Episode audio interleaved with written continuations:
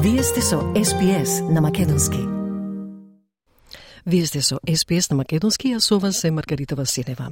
Следуваат актуелности од Австралија.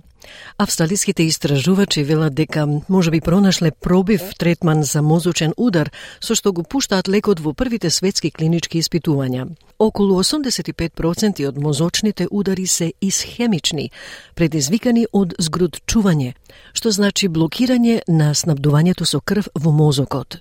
Доколку е успешна, тоа може да доведе до значително подобрување на резултатите за пациентите.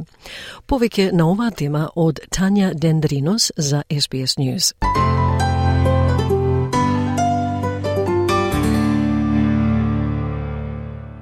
Во 2019 година Елисон Холворт беше здрава 44 годишна жена.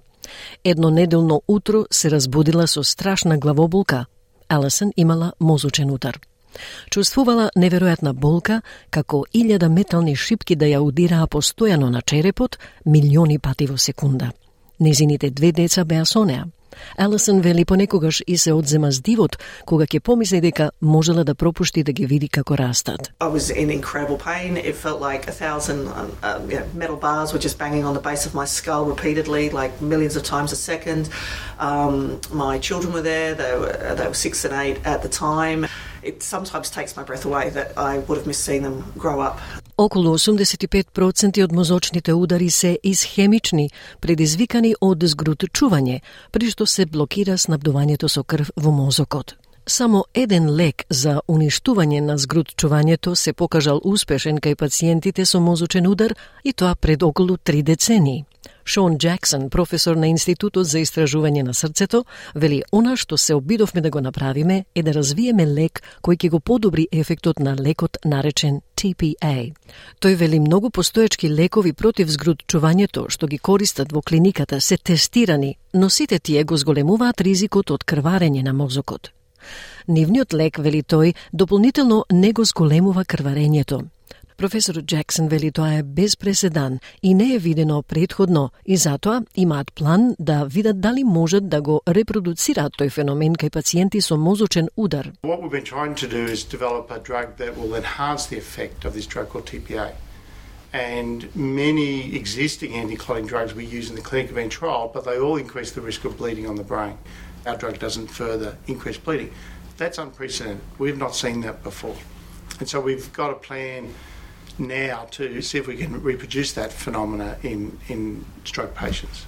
Втората фаза на клинички испитувања се започнати во шест водечки болници за мозочен удар низ земјата, вклучувајќи ги болниците RPA во Сиднеј, Royal Melbourne и Royal Adelaide.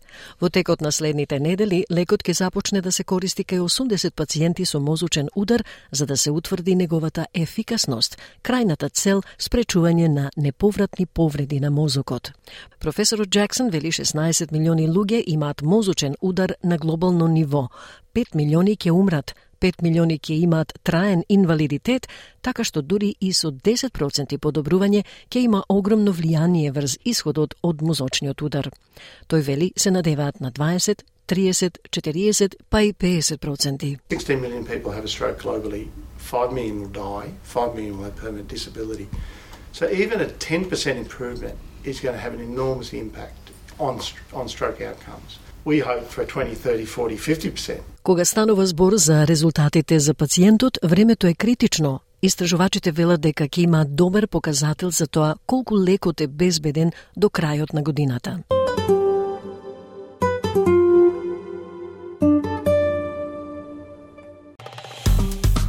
Стиснете, ми се допаѓа, споделете, коментирајте. Следете ја SPS на Македонски на Facebook.